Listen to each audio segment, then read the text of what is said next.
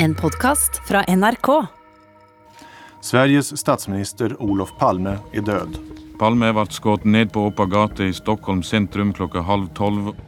28. februar 1986 blir den svenske statsministeren Olof Palme drept. Er han død? Ja, det skjedde precis her. Det, det kan ikke ha hendt. Da er du i fritt fall, altså. Den karismatiske og frittalende Olof Palme er elsket og hatet. Vi så jo og hørte det der hatet veldig mye. Vi må regne med at dette dreier seg om et politisk mord. Jakten på en drapsmann starter. Et attentat ut av en eh, profesjonell mordere.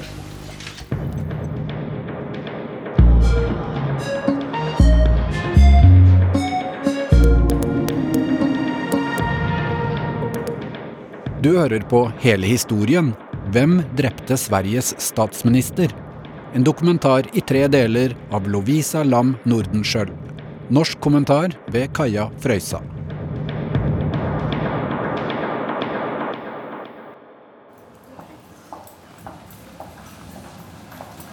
Det er fredag 28. februar 1986. Sveriges statsminister Olof Palme starter dagen med å spille tennis før han går i gang med dagens program. Han har et møte om sikkerhetspolitikk, og så senere et møte med Norges ambassadør Oskar Wernø på kontoret. Det var Palme selv som åpnet døren fra sitt kontor ut i det store forværelset hvor vi ventet. Ambassadøren skriver senere at han aldri har sett statsministeren i så godt humør som denne fredagen. Det som skal vise seg å være den siste dagen i Palmes liv. Han skjenket i kaffe til oss og bød på fastelavnsboller. Han var jo en veldig oppmerksom person, og helt ujålete. Helt ujålete. Norske og svenske sosialdemokrater har alltid samarbeidet tett. Arbeiderpartiets Martin Kolberg følger Olof Palme under valgkampen i 1985. Det regna så veldig i Göteborg, så vi ble våte, og uh, da fikk han, fikk han låne sokker av meg, da, for at jeg hadde varme sokker, for han var våt på beina.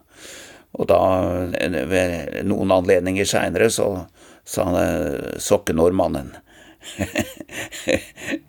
det var hyggelig ment. Han huska det der, da. Like etter klokken seks går Olof Palme hjem til leiligheten sin i Gamla stan. Han og kona Lisbeth spiser middag hjemme og bestemmer seg for å gå på kino. De tar T-banen tre stasjoner til Grand kino. De skal se filmen 'Brødrene Mozart', som er en fartsfylt komedie som har fått gode anmeldelser. Ti over ni blir lyset i kinosalen slått av, og fem minutter senere starter filmen.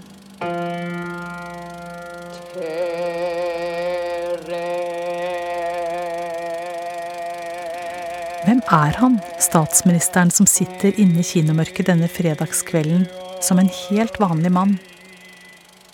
Han er elsket og hatet. Omstridt og beundret. Om to timer kommer det til å skje noe fryktelig som skal endre Sverige for alltid.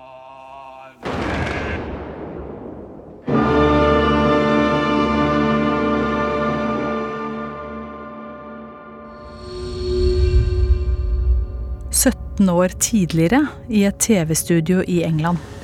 Very nice it is to meet you. I look forward very much to the. Uh, it's nice to have this little private conversation. Sveriges utdanningsminister Olaf Palme ønskes velkommen. Programlederlegenden David Frost skal intervjue ham for BBC.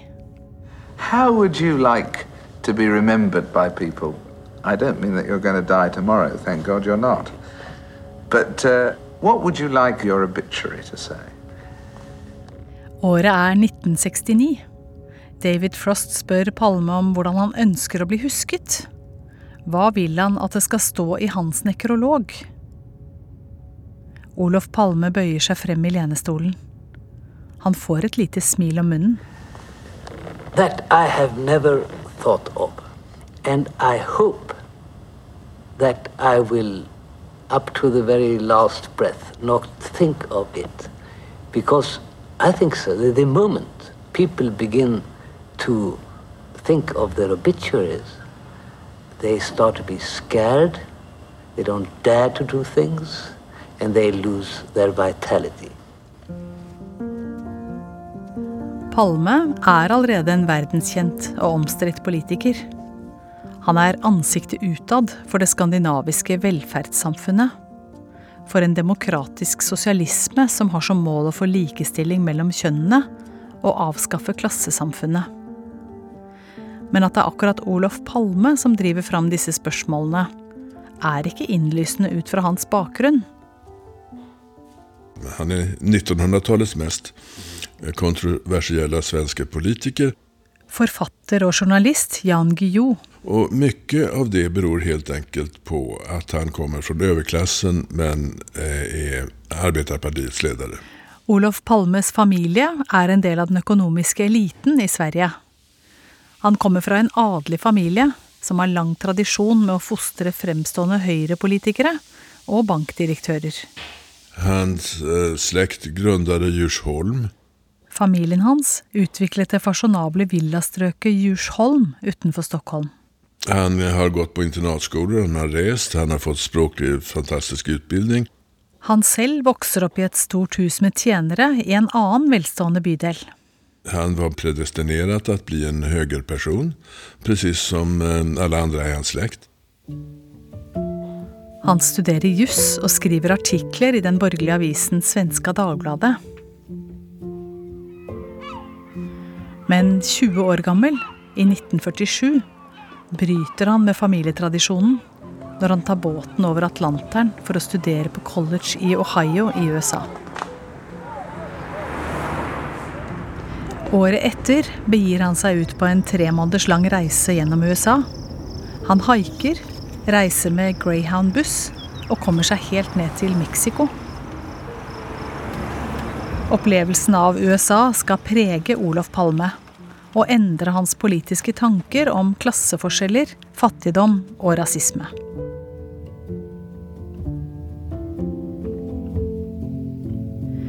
«26 år gammel er han ferdig utdannet jurist. Med erfaring fra den internasjonale studentbevegelsen tar Olof Palme i 1953 steget rett til topps i svensk politikk. Tage Erlander, som var statsminister, ville ha noen intelligent yngre assistent. Olof Palme blir håndplukket til jobben som personlig sekretær for statsminister Tage Erlander. Noen år senere blir han valgt inn i den svenske riksdagen, og han får også en plass i regjeringen. Palme er med sine 36 år den nest yngste regjeringsledamoten dette århundret. århundret.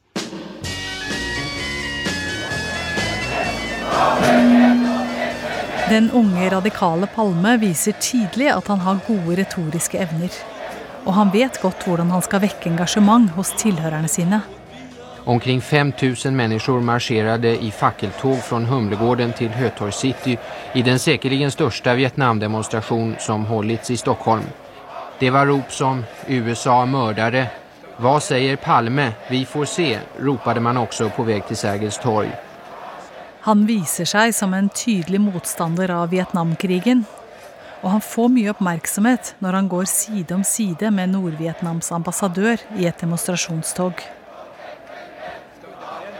Framme ved Sergels torg skal Palme holde en appell. Demokratiens mål kan aldri nås med fortrykkets middel. Man kan ikke redde en by gjennom å utplåne den, brenne åkrene, förstöra husen, spärra in människorna eller döda dem. Det blir sterke reaksjoner. I protest kaller USA hjem sin ambassadør fra Sverige. Høyrepartiets ledere krever at Olof Palme nå må gå av.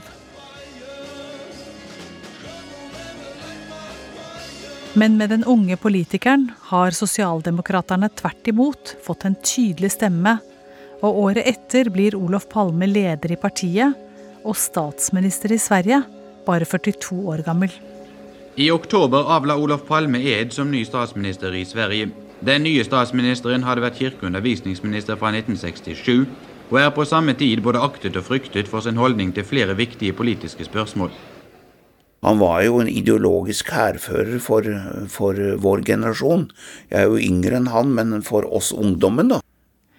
For unge norske politikere på venstresiden blir Olof Palme en helt når han tar så tydelig side i Vietnamkrigen. Arbeiderpartiets Martin Kolberg. Hva du tenker da du hører en, en sånn mann, det er at han Det kommer innenfra. Det er ikke noe som er tillært. Han eh, har entusiasmen og troen i seg. Han var en som var pekte ut retningen for politikken. Rammene og retningen for politikken. Litt rockestjerne og litt gammel predikant. Åge Petter Christiansen er NRKs korrespondent i Sverige på midten av 80-tallet. Han var jo en, en, person som engasjerte når han holdt taler, og som gjorde at folk ble revet med ganske sterkt. Og jeg tror kanskje ikke jeg har hørt en politisk taler som jeg kunne sammenligne med Palme før jeg hørte Barack Obama på valgkampen, hans første valgkamp i USA. Den intensiteten og den presise leveringen av et budskap. Man bør kalle saker og ting ved deres rette navn. Og det som pågår i dag i Vietnam, det er en form av tortyr. Julen 1972 går Olof Palme så langt at han sammenligner USAs massive bombeangrep i Nord-Vietnam med nazistenes utryddelsesleir i Treblinka i Polen. Guernica. Langsomt ramser han opp en rekke historiske stedsnavn i tillegg til Treblinka, der lignende overgrep og onde handlinger har blitt utført. Treblinka. Der har voldet triumfert. Men etterverdens dom har fallit hård over dem som burit ansvaret. Nå fogas et nytt navn til raden. Hanoi, julen 1972. Palme er ikke alene om å kritisere USA. I Norge kaller statsminister Lars Korvald bombingen for en skamplett i menneskehetens historie. Palmes parallell til nazismen blir for mye for USA, som umiddelbart fryser sitt diplomatiske forhold til Sverige. Og man stilte som faktisk med en viss politisk undring til at Sverige kunne ha en statsminister som var så uttalt negativ til eh, vestlige land som Olof Palme var ved mange anledninger. Men det skapte jo veldig begeistring i de kretsene hvor jeg tilhørte. Spesielt alt dette som var aggresjon mot alle, alle undertrykkende regimer i verden. Jeg husker hans taler om, om Franco-regimet, da han brukte uttrykket eh, 'Satans mørdere'. Eh, det var ikke noe som en norsk partileder eh, noen gang har vært i nærheten av å si.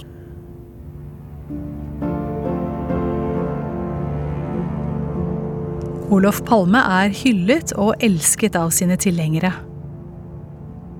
Men han er også mislikt og hatet. Hans kritikk av USA, og samtidig den myke linjen mot Sovjetunionen, kommer i tillegg til det som blir sett på som hans svik mot overklassen. Det er en forklaring på hvorfor han er så hatet av høyresiden. På begynnelsen av 80-tallet øker motstanden mot Olof Palme. Og det går rykter om palmehatende grupperinger. Martin Kolberg opplever på nært hold den palmefiendtlige stemningen i Sverige når han deltar på valgkampen i Göteborg i 1985. Det sto altså øh, ungdom, da, var det jo, fra Moderatene på, liksom på sidelinja når man marsjerte gjennom Göteborg og ropte skjellsord og sto i smoking og uh, skålte i champagne for å sjikanere liksom den sosialdemokratiske oppmarsjen.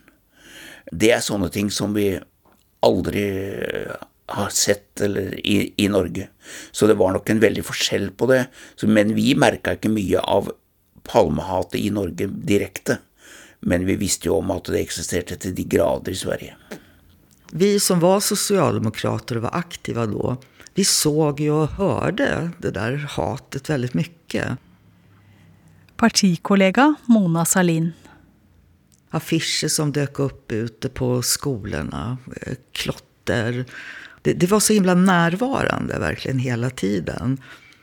Hat för att han var från överklassen, hat för att han svek överklassen, hat för att han gav sig på USA. Det blir laget og solgt dartspill med bilde av Olof Palme på blinken. Och den såg alltid ut som ja, ungefär teckningarna på judar under andra världskriget. Stor näsa. Och eh, jag hade en, en granne som verkligen inte tyckte om Olof Palme. Och han hade ett klistermärke på bakrutan på sin bil eh, med en bild. Man såg den här stora näsan, profilen på Olof Palme och så stod det Det föds en Palme om dagen, använd kondom. Och han var ju mordhotad hela tiden. Dette var jo før dette med sikkerhetsvakter på statsministre og fremtredende politikere i hele tatt hadde sett dagens lys, bortsett fra rundt Olof. Stor ståhei og god mottakelse. Det er karakteristikken for valgkampåpningen i Strømstad og Halden i dag, det såkalte grensetreffet. I 1985 har Palme vært partileder i 16 år. Nå går han inn i en ny valgkamp side om side med Gro Harlem Brundtland. Om bord la de to lederne fram et forslag til forsterket samarbeid mellom Sverige og Norge, i første rekke innen industrien. Og hele tiden har Palme livvakter rundt seg. En kveld er Martin Kolberg med å arrangere en partimiddag på et hotell i Strømstad. Så må de plutselig bytte lokale i siste liten. Fordi politiet ikke, ikke følte seg trygge på det som var hotellets restaurant. Og de, eh, det etterkom alle, selvfølgelig. Vi ble sittende veldig trangt, husker jeg. For alle skulle liksom da inn i et mye mindre rom enn som politiet da bestemte. Eh, og eh, jeg satt i nærheten av Olof der, og så reiste Olof seg for å gå ut. Og de svenske politifolka som satt inne i restauranten, de reiste seg straks opp og ville følge etter han. Det avviste han veldig bestemt. Han kommanderte dem til å la det være, rett og slett. liksom. Han sa nei, dere skal ikke være med på dette her. En av de svenske politifolkene sa det der er ikke helt lett. Olof Palme vinner valget i 1985. På tross av seieren er Palme lei og nedstemt.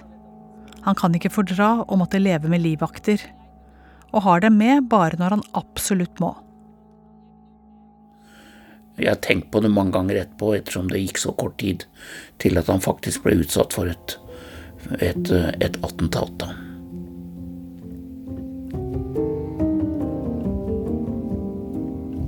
I februar i 1986 ser det ut til at Palme har fått tilbake energien.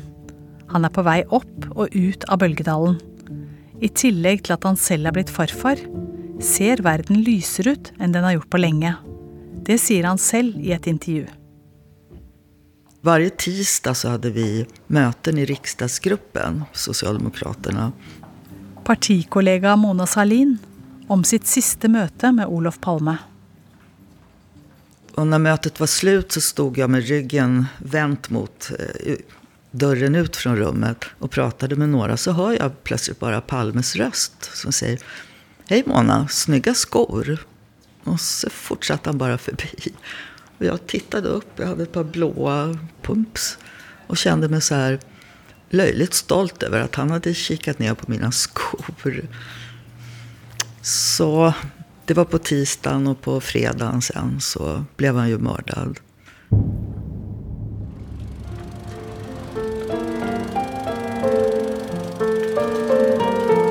Tilbake i kinosalen på Grand i Stockholm sentrum sitter Olof Palme sammen med kona Lisbeth. Det er fredag den 28. februar. Når de kommer ut på fortauet, blir de stående en stund og prate med sønnen Morten og hans venninne, som har vært med på kino. Det er litt småkaldt, det er litt blåsigt. Forfatter og journalist Thomas Petterson har studert mordkvelden i detalj. Klokken er kvart over elleve når Palmeparet sier ha det til sønnen Morten og venninnen, og går hjemover mot Gamlastan. Da blir de blant de siste som går fra denne bioforestillingen. Og da går de på Sveavägen, som jo er en, en ganske bred gate. Det er mye folk ute i Stockholm denne kvelden. Barene er åpne, det er lønningsfredag, og på Sveavägen suser drosjene forbi. Fortauet er bredt, og hele gaten har noe boulevardaktig over seg. Senere skal palmeparets vandring bli rekonstruert ned til minste fottrinn. Men akkurat nå er det ingen som legger merke til at det er Sveriges statsminister som går der på fortauet. Olof og Lisbeth Palme krysser over til den andre siden av Sveaveggen for å titte på klær i et butikkvindu. Da er det veldig få mennesker ute på gatan på den siden av gatan. Det er egentlig bare paret Palme, eh, en person som de møter, som har jobbet som kokk på en restaurant. En person som står og, og venter. Og sen er det ju då gjerningsmannen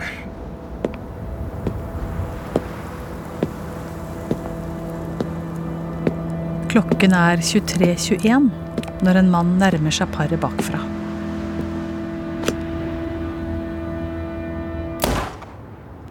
Først smeller det én gang. Så en gang til. Olof Palme faller sammen på fortauet. Han er skutt i ryggen. Det andre skuddet bommer med bare noen millimeter på Lisbeth Palme. Gjerningsmannen forsvinner inn i mørket i en sidegate. Det er et snabbt forlopp, det er to skudd. Gjerningsmannen står kvar bare noen sekunder innan han stikker i vei. En taxisjåfør som ser hva som skjer, kjører fram til åstedet. Passasjerene hans hopper ut og stormer fram for å hjelpe til. Samtidig kobler taxisjåføren seg opp mot sentralen for å varsle politiet. 90 000. Ja, det är mord på Sveavägen. Prata med polisen.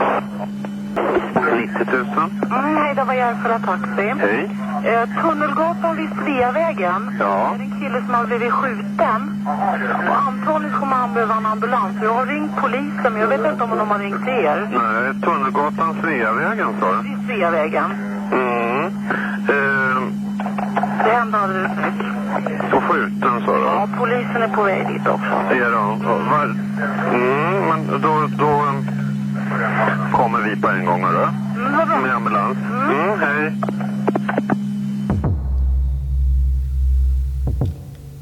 Det var ikke vanlig at det er skytinger midt i sentrum.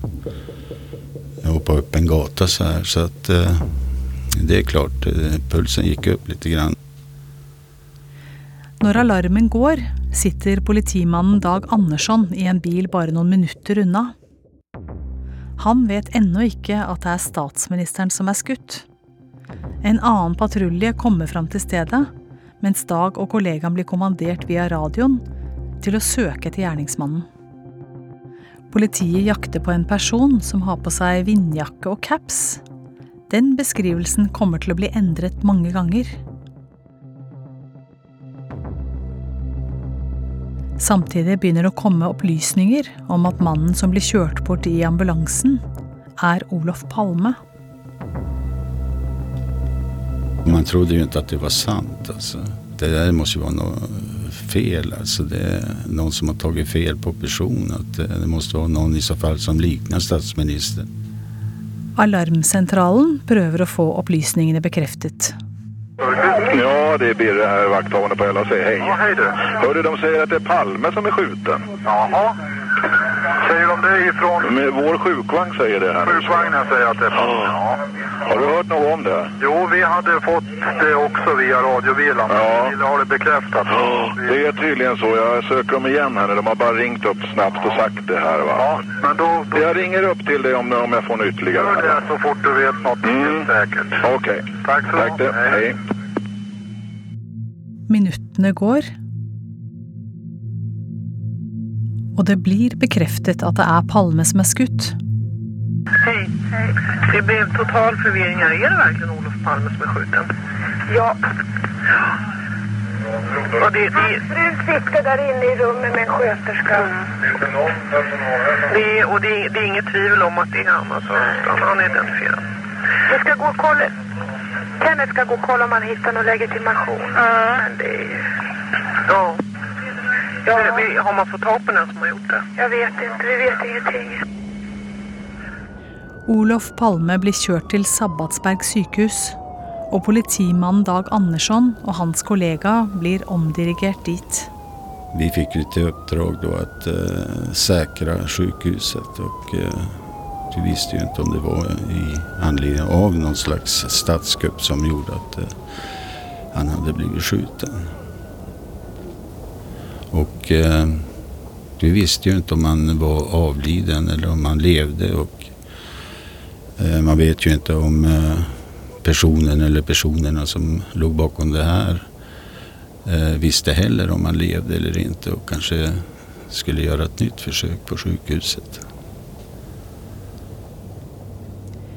Sveriges statsminister Olof Palme blir erklært død seks minutter over tolv. Han blir bare 59 år gammel.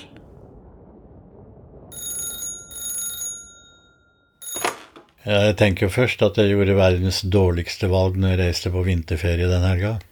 NRKs korrespondent Åge Petter Christiansen er i Dalarna når han blir vekket av at telefonen ringer midt på natten.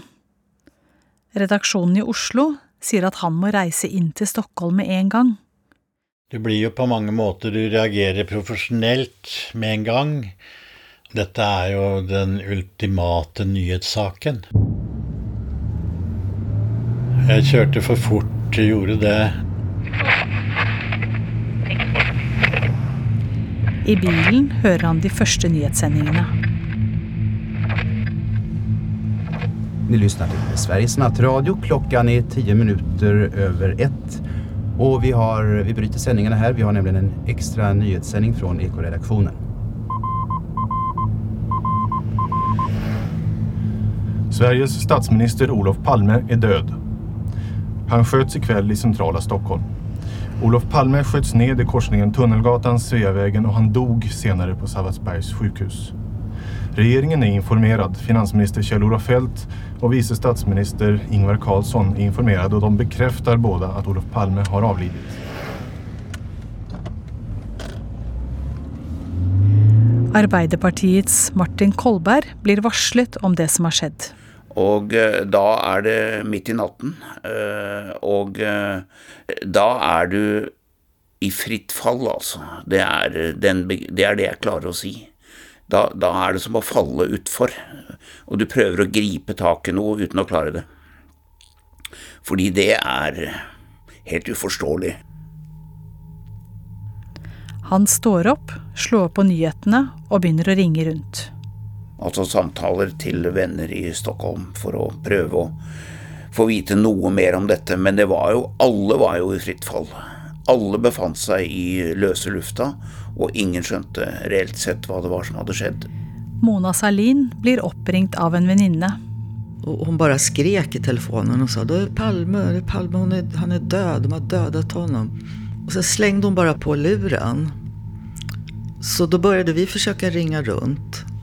Men satt ju förstås också på tvn och radion. Så vi satt uppe hela natten. Vi förstod inte. Røkte Rökte upp alla cigaretter som fanns. Ja.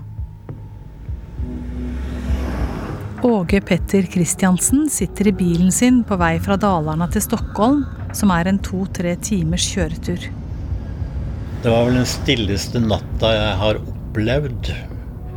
I forhold til å vite det jeg visste når jeg satt og kjørte, og så biler som jeg møtte. Det var ikke stor trafikk på natta. Det var jo fredag natt til lørdag, men uh, likevel så var det ikke stor trafikk. Jeg så jo noen hus nedover når vi kom ut på bygda med, med lys, men det var veldig få. Det var mørkt i husene, så jeg tenkte at svenskene de hadde det en, veldig god natt før de skulle våkne og få den forferdelige beskjeden. Sveriges Radio sender nyheter én gang i timen.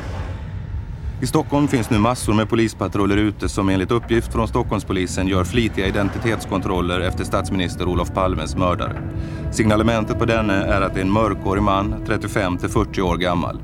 Det är allt polisen vet för tillfället. Åge Petter Kristiansen regner med at hovedstaden er sperret av, og at det kan være flere attentat på gang. Så jeg regner jo med at når jeg kom til Stockholm, så ville jeg måtte parkere bilen og få en skyss inn i sentrum. At de ikke ville slippe noen inn. Men når han kjører inn mot byen ved firetiden på morgenen, ser han ikke en eneste politibil. Sentrum er øde, og gatene er tomme. Men jeg kjørte helt ned til drapsplassen, og der sto det to poliser.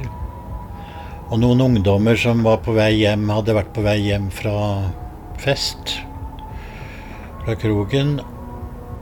Og jeg ser at de har eh, satt opp bånd rundt plassen, rundt, da, rundt uh, mordplassen og stedet, og jeg ser blodet.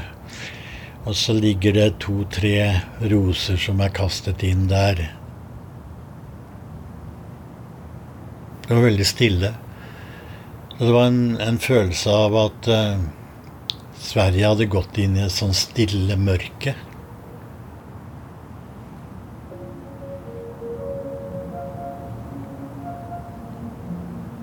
Du har hørt den første av tre deler av Hvem drepte Sveriges statsminister? I neste episode blir rusmisbrukeren Christer Pettersson siktet for drapet. Ja, jeg er altså um, en dråpare, men jeg er ingen mördare. Alt som kan gå galt i denne saken, går galt. Dokumentaren er laget for NRK av Lovisa Lam Nordenskjøld og Hugo Lavett i Banda Produksjoner. Kommentar ved Kaja Frøysa. Lyd etterarbeid ved Kjetil Hansen. Produsent Line Alsaker. Og redaktør Siril Heierdal. En podkast fra NRK.